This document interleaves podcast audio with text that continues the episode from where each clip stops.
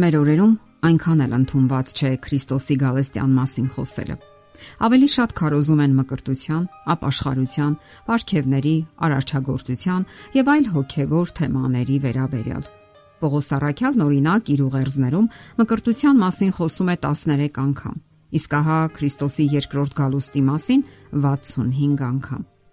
Եթե այդ մասին խոսում էր Պողոս Արաքյալը 2000 տարի առաջ, ապա այս թեման առավել հրատապ է մեր օրերում որովհետև ժամանակներն այնպիսին են, որ ամեն ինչում տեսանելի է մեր ծերացած աշխարհի վաղճանը։ Իսկ ինչից ենք մենք ենթադրում, որ Քրիստոսի գալուստը մոտ է։ Եկեղեցում երկրպագության ժամանակ ծառայողը հարցնում է ներկաներին. Որ թեմայի վերաբերյալ կցանկանայի քարոզ լսել։ Ինչպես ունենալ երջանիկ ընտանիք, թե ժամանակի նշանները։ Ծառայությանը ներկա երիտասարդ աղջիկները գերադասում են լսել ընտանեկան երջանկության մասին քարոզը։ Իսկ ահա տղաները, որոնք այդ ժամանակ ավելի շատ էին, քան աղջիկները, գերադասում են լսել ժամանակի նշանների մասին։ Ժամանակի նշանների մասին շատ են խոսում։ Յուրաքանչյուր քիչ թե շատ ուշագրավ իրադարձություն ներկայացնում են որպես վերջին ժամանակների բնորոշ նշան։ Դա կարող է հրաշք լինել, երկրաշարժ, պատերազմ եւ այլն։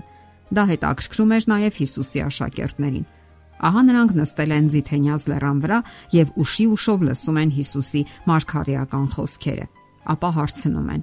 Ասա մեզ, երբ են դրանք լինելու եւ ո՞րն է լինելու քո գալստյան ու աշխարի վերջին նշանը։ Հիսուսի պատասխանն ընդգրկուն էր եւ լայն։ Ազգն ազգի դեմ վեր կկենա եւ թակավորությունը թակավորության դեմ։ Լինելու են սովեր եւ տեղ-տեղ երկրաշարժեր, բայց այս ամենը սկիզբն է երկունքի։ Հետաքրքիր է, որ ընդամենը 100 տարի առաջ գիտության առաջ խաղացումը նշում էին որպես ժամանակի նշան։ Գնացքները շարժվում էին ժամում 80 կիլոմետր արագությամբ, ինքնաթիռները ժամում 250 կիլոմետր արագությամբ։ Իսկ հեռախոսը, պատեֆոնը, հեռագրային կապը այսօր մեզ դրանք ծիծաղելի են թվում, որովհետև գիտությունը իսկապես առաջ է գնում հսկայական քայլերով Դա նշաններից մեկն է։ Ավետարանը խոսում է նաև բարոյական չափանիշների այլասերման մասին։ Մարդկային սրտի ապականությունը պարզապես սահմաններ չի ճանաչում։ Կարդում ենք նշանների մասին։ Եվ ինչպես որ Նոյի օրերին եղավ, այնպես էլ մարդու որդու օրերին կլինի։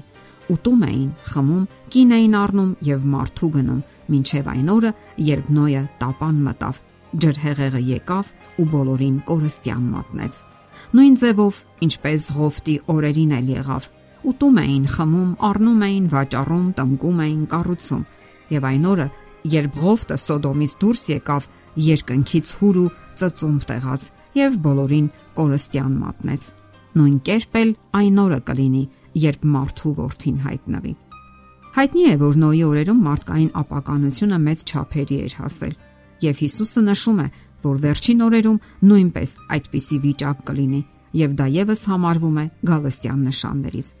Կար ժամանակ, երբ ամուսնալուծությունը համարվում էր զարմանալի ու անսովոր երևույթ, իսկ այսօր այն պարզապես սովորական երևույթ է եւ ոչ մեկին չի զարմացնում։ Ազատությունը մարդիկ շփոթում են ամենաթողտվության հետ Անսովոր տարօրինակ երևույթներ են տեղի ունենում երկնքում եւ երկրի վրա։ Կարդում ենք. Արեգակի, լուսնի ու աստղերի վրա նշաններ կլինեն։ Երկրի վրա ազգերը կխռովվեն ու կտագնապեն ծովի ալեկոծումից ու շաչյունից։ Մարդկանց սրտերը կնվաղեն վախից ու տագնապից, որ ամբողջ աշխարի վրա գալու են, քանի որ երկնքի զորությունները պիտի շարժվեն եւ այն ժամանակ մարդու որդուն ամպերի վրա զորությամբ ու մեծ փառքով գալիս կտեսնեն։ Այստեղ կարդում են երկրային աղետների ու ահավոր երևույթների մասին, որոնք սարսափի կմատնեն մարդկանց։ Երկիրը միջուկային աղետի շեմին է, եւ մարդիկ սարսափով են նայում վաղվա օրվան։ Միջուկային ռումբը սարսափելի հզորություն ունի, եւ ոչ միայն անընդհատ կատարելագործվում են սպանության եւ ահաբեկչության զենքերը, Դրանից հետո ստեղծեցին ջրածնային ռումբը, որը նույնպես ոչնչացնելու հզոր համարյա անսահմանափակ ընտունակություն ունի։ Իսկ դրանից ամենից շատ վախենում են նրանք, ովքեր ավելի շատ տեղեկատվություն ունեն այդ մասին։ Յուրաքանչյուր պետություն զինվում է իր հնարավորությունների չափով, վախենալով մյուս երկրների սպառազինությունից։ Մարդիկ այլևս չեն վստահում միմյանց։ Երկրի տարբեր անկյուններում պատերազմ է։ Զոհվում են երիտասարդ տղաներն ու տղամարդիկ։ Իսկ խաղաղություն այդպես էլ չի հաստատվում։ Երկրները պայքարում են յուրաքանչյուր թիս հողի համար, բնական հարստությունների ու ապաշարների համար, որը նույնպես անսպառ չէ եւ անխնա վատնողության հետևանքով կսպառվի շուտով։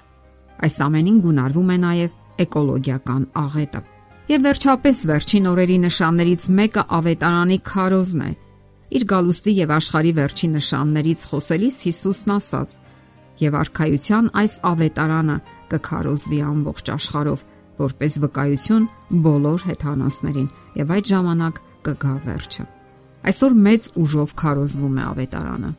Մարդիկ հետաքրքրվում են մարգարեություններով եւ դրանց կատարումով։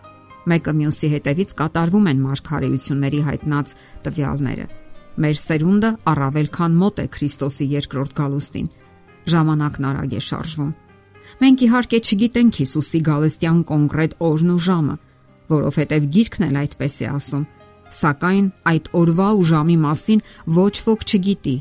ոչ երկնքի հրեշտակները եւ ոչ էլ որդին, այլ միայն հայրը։ Սակայն մոտ է բաղձալի ժամը, երբ մեղքն ու մեղավորը այլևս չեն լինի պատմությունը կավարտվի մեր օրերում։ Նշանները ակնհայտ են։ Դրանք ցույց են տալիս փրկչի գալուստը երկնային ամպերով։ Փրկությունը մոտ է։ Կփրկվեն նրանք, ովքեր սпасում են փրկչին ու նաև պատրաստվում։ Աստվածաշնչում կարդում ենք, ովքեր պատրաստ էին, նրա հետ հարսանիքի սրահ մտան եւ դուռը փակվեց։ Եթե այս պահին դու լսում ես այս հաղորդումը, ուրեմն քեզ համար դեռևս բաց են շնորհի դռները։ Մի ուշացնի քո որոշումը։ Դարձիր դեպի Քրիստոսը, որովհետև բոլոր նշաններն ասում են, որ Հիսուսի գալուստը շատ մոտ է։ Եթերում ղողանջ հավերժության հաղորդաշարն է։ Ձեզ հետ է Գեղեցիկ Մարտիրոսյանը։ Հարցերի եւ առաջարկությունների համար զանգահարել 033 87 87 87 հեռախոսահամարով։